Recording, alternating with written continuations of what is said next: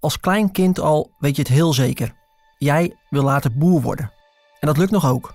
Je leeft je eigen droom.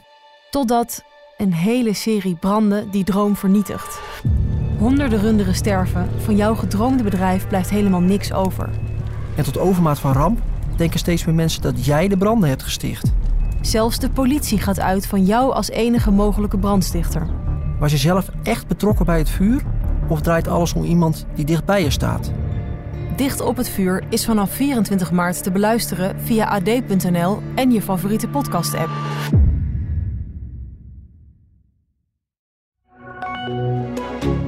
Het is denk ik een, een waar de Daltons heel trots op zouden zijn. Eh, je, moet de foto's zien om het, om te geloven. Wij geloofden het in eerste instantie ook amper dat, dat zoiets kan, dat zoiets gebeurt. Ja, je, je wil dan gelijk weten hoe heeft het kunnen gebeuren.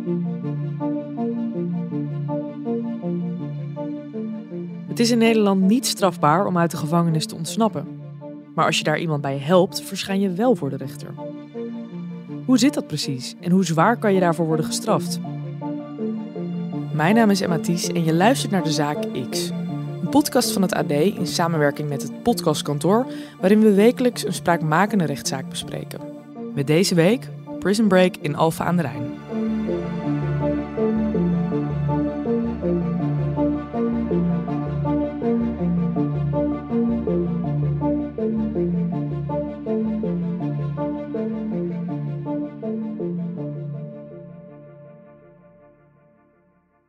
Zaak van vandaag draait om een klassieke uitbraakpoging uit de gevangenis in Alphen aan de Rijn.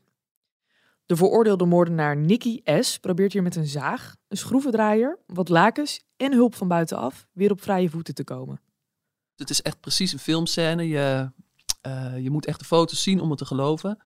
Je hoort de stem van verslaggever Stijn Tielemans van AD Groene Hart. Het draait allemaal om Nicky. Nicky die heeft een eh, zaag gebruikt om één tralie weg te zagen. Vervolgens heeft hij echt een massief celraam eh, eruit getild. Eh, dat liet hij toen ook nog eens op zijn voet vallen. En hij heeft toen aan elkaar geknoopte lakens gebruikt om naar het dak te klimmen. Eh, daar heeft hij nog een, een, peuk gerookt. En toen heeft hij eigenlijk die lakens gebruikt om al upsilent naar beneden te komen. Nou ja, en dat heen en weer slingeren, dat heeft toen ook het ehm, bewegingsdetectiesysteem van de gevangenis eh, eigenlijk aangezet. Maar zijn pech was dat hij eh, eigenlijk te zwaar was voor de lakens. Dus de lakens hielden zijn gewicht niet. Hij viel, eh, brak zijn arm en werd toen eigenlijk op de grond door de medewerkers van de gevangenis al vrij snel aangehouden.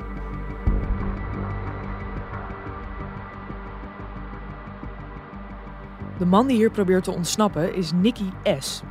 Veroordeeld voor een gruwelijke moord in 2019 die groots werd opgepikt door de media. Als de naam Nicky S niet meteen wat zegt, doet de Specie-kuipmoord misschien wel een belletje rinkelen. S is namelijk veroordeeld voor de lugubere moord op de Belgische loodgieter Johan van de Heijden. Samen met drie andere verdachten drogeerde S de man op een woonwagenkamp in Steenbergen. Daarna zaagden ze zijn lichaam in stukken, stopten ze hem in een speciekuip en dumpten ze hem in een kanaal. Nicky S. kreeg van de rechter 17 jaar cel en TBS, maar vindt zelf dat hij onschuldig is. Hij is momenteel dus in hoger beroep gegaan tegen die uitspraak. Toch moet na deze ontsnappingspoging niet Nicky voor de rechter verschijnen, maar zijn hulpje Anthony. Hij stond buiten de gevangenismuren klaar met een vluchtauto en ze hebben geholpen met de lakens over het hek trekken. De officier van justitie legt tijdens de zitting uit waarom Anthony en niet Nicky een straf boven het hoofd hangt.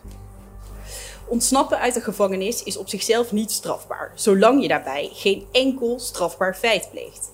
Maar behulpzaam zijn bij zelfbevrijding is wel strafbaar.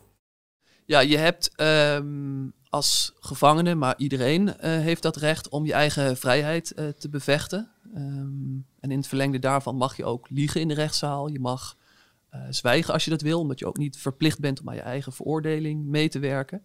Maar het is wel eh, strafbaar om iemand te helpen ontsnappen. En dat legt het officier van justitie ook uit. Door het handelen van verdachte heeft hij geprobeerd die ten uitvoerlegging van rechterlijke beslissing te frustreren.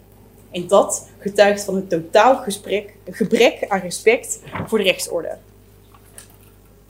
Verdachte heeft eraan meegeholpen dat iemand die tot 17 jaar gevangenisstraf en TBS is veroordeeld, mogelijk op vrije voeten zou komen, wat een gevaarlijke situatie voor de samenleving zou hebben opgeleverd. Wie is die Anthony eigenlijk? Wat, wat weten we van hem? Wat voor man is het? Hoe oud is hij? Ja, we weten dat hij uh, 42 is, uit Bergen op Zoom komt en ehm, nou, in ieder geval wel een behoorlijk drugsprobleem had. Hij heeft tegen de onderzoeksrechter verklaard dat hij onder invloed was van heroïne op het moment dat hij nou ja, daar eigenlijk stond te wachten met zijn auto.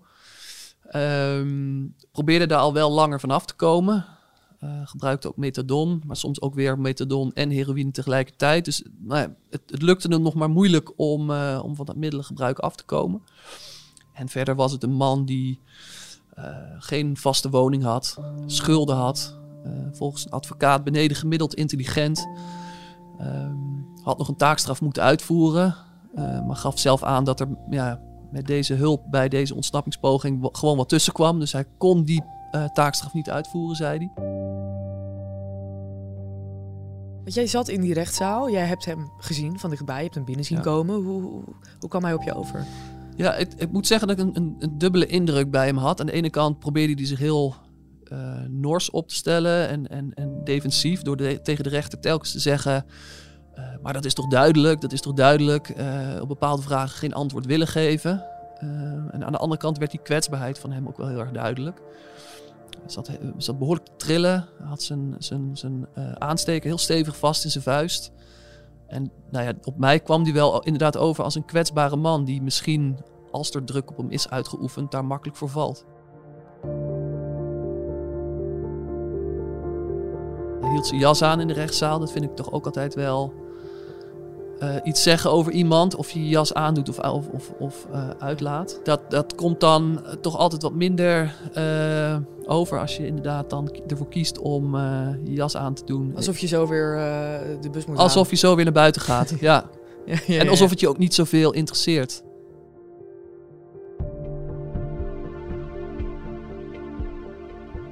Nicky beweert ook hulp van binnen de gevangenismuren te hebben gekregen. Maar tijdens de rechtszaak wil Anthony daar weinig over kwijt. Maar hoe is het dan wel gegaan, uh, vraag je dan natuurlijk af. En daarvan heeft uh, de gevangenisdirecteur gezegd dat hij een zaag heeft meegenomen vanuit de arbeidszaal. dat daar een zaag op een hoop afval is beland en dat Nicky die zaag daaruit heeft gehaald. Uh, dan moet er dus ook iemand tegen de detectiepoort zijn gaan staan om te zorgen dat dat ding afgaat, zodat hij het alibi had om nou ja, ongemerkt door die poort heen te gaan. Ja, en dan heeft hij vervolgens ook nog een schroevendraaier mee zien of meegenomen vanuit uh, de technische dienst. Ze zeggen, we hebben uh, geen schroevendraaier gemist vanuit die zaal.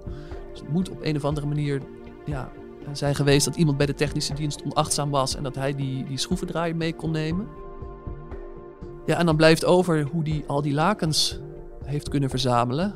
Uh, in de gevangenis werkt het zo dat je één schoon laken krijgt als je een vies laken inlevert één in, één uit. Ja, en hoe dat heeft kunnen misgaan, ja, kunnen we intern alleen nog maar scherper op zijn, zegt eh, de gevangenisdirecteur. Hij uh, uh, heeft een aantal lakens aan elkaar kunnen knopen.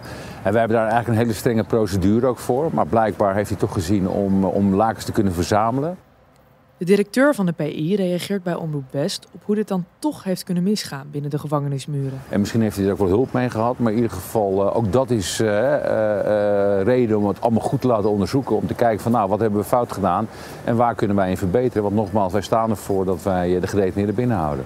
Uit die, uit die gegevens ga ik gewoon weer maatregelen nemen en ook evalueren hè, van wat is er nu misgegaan en waar moeten we op, op ingrijpen als het nodig is. Hey, die Nicky die zat natuurlijk al vast, of die ja, zit weer vast, moet ik eigenlijk zeggen. Hoe zijn ze vervolgens Anthony op het spoor gekomen? Ja, dat gebeurde eigenlijk al vrij snel. Hij werd al heel snel uh, aangehouden nadat de poging was mislukt. Kijk, als zoiets gebeurt, dan uh, is heel snel een politiemacht op de been. En werd ook heel snel de vluchtauto gevonden. En zo belandt Anthony in de rechtbank, waar een straf tegen hem wordt geëist omdat hij hielp bij de uitbraakpoging van een ander. En er worden meneer twee concrete handelingen verweten. Allereerst, met een vluchtauto klaar te staan. Nou, dit blijkt duidelijk uit de camerabeelden waarop te zien is dat een Volkswagen Polo, die op naam staat van de overleden vader van meneer aankomt rijden bij de PI en werd aangetroffen op ongeveer 100 meter van de plaats van de uitbraak. Verdachte was in het bezit van die autosleutel van die auto en in die auto werd ook zijn identiteitskaart aangetroffen. Nou, de tweede handeling die uh, verdacht wordt verweten, is dat hij de aan elkaar geknoopte lakens die naar beneden had gegooid, over het buitenste hek van de PI Alpha aan de Rijn te trekken. Nou, ook van die concrete handeling zegt verdachte hier ter zitting: ja, dat klopt, dat heb ik gedaan. Er is niet alleen een bekentenis, de rechter vertelt ook dat er dankzij beveiligingscamera's veel beeldmateriaal van de ontsnappingspoging is. Er is inderdaad ook iemand op het dak te zien en dat is dan meneer. Um, en dan zien ze de, de laken, er zitten ook foto's van in het dossier.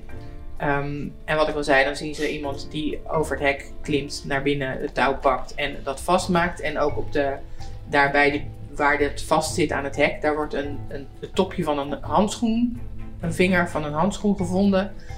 Um, en de handschoen, de bijpassende handschoenen zou ik maar zeggen, die worden bij uw fouillering aangetroffen.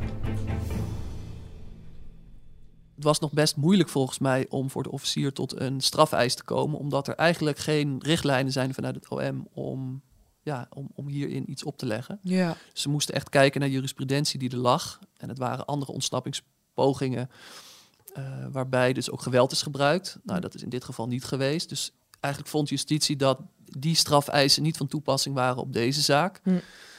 Dus het was volgens mij nog best wel even puzzelen om dan toch tot een strafeis te komen. Welke straf heeft het OM geëist tegen Anthony? De officier eiste een jaar cel tegen hem, waarvan twee maanden voorwaardelijk. En de rechter maakte daar twaalf maanden cel en zes maanden voorwaardelijk van. Maar hoe zit dat dan met Nicky? Wordt Nicky hier helemaal niet voor vervolgd? Nee, die wordt hier niet voor vervolgd. Die is wel al vrij snel overgeplaatst. Uh, heeft volgens mij ook een tijdje in de isoleercel gezeten. En een gevangenis mag hem wel een, een, een, een ja, disciplinaire straf opleggen, maar justitie kan hem daar niet voor vervolgen.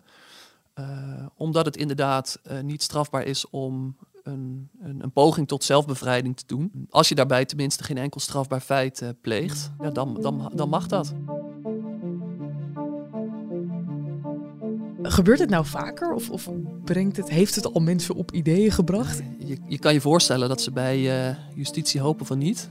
het gebeurt zeker niet vaak echt wel, uh, wel een zeldzaamheid. In 2016 voor het laatst gebeurd dat er iemand probeerde te ontsnappen uit uh, de gevangenis in Alphen. Ging dat ook op zo'n uh, aan elkaar geknoopte lakens manier? Of, Het ging op een andere manier, maar daar zei de gevangenisdirecteur direct wel al over van de laatste keer dat ik het heb meegemaakt was in de Belmer Baaiers. En die bestaat op dit moment niet meer. Om maar aan te geven dat het echt wel een, een zeldzaam feit is. Ja, dus of we nu een reeks ontsnappingspogingen gaan zien, dat is nog maar de vraag. Zeker. En ik kan me ook niet voorstellen dat Anthony een poging gaat wagen, want daarvoor zal zes maanden tekort zijn. Ik denk niet dat hem dat, uh, dat, hem dat waard is. Nee, precies. Dankjewel, Stijn. Graag gedaan.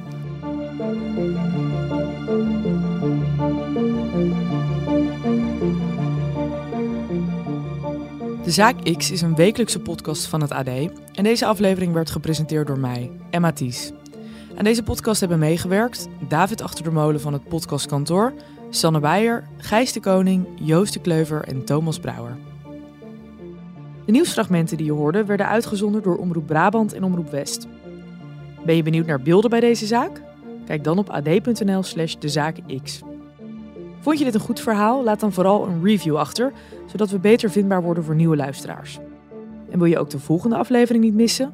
Abonneer je dan op dit kanaal.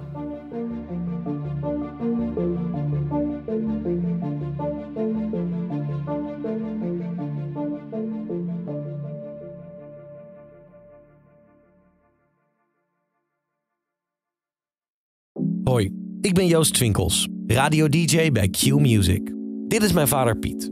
Lieve Joost, je staat nou recht tegenover mij en ik praat nou op twee manieren tegen jou. Als je dit bandje luistert, dan weet je niet meer dat je hier gestaan hebt.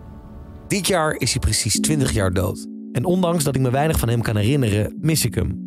Speciaal voor mijn broer Koen en mij liet hij brieven en audio-opnames na... die ik in deze podcast induik om niet alleen hem, maar ook mezelf beter te leren kennen. Ik heb geprobeerd om jullie te vertellen dat liefde het allerbelangrijkste is. Hou van elkaar en van de wereld om je heen. Dan komt alles goed. Liefs Papa Piet luister je nu in je favoriete podcast-app.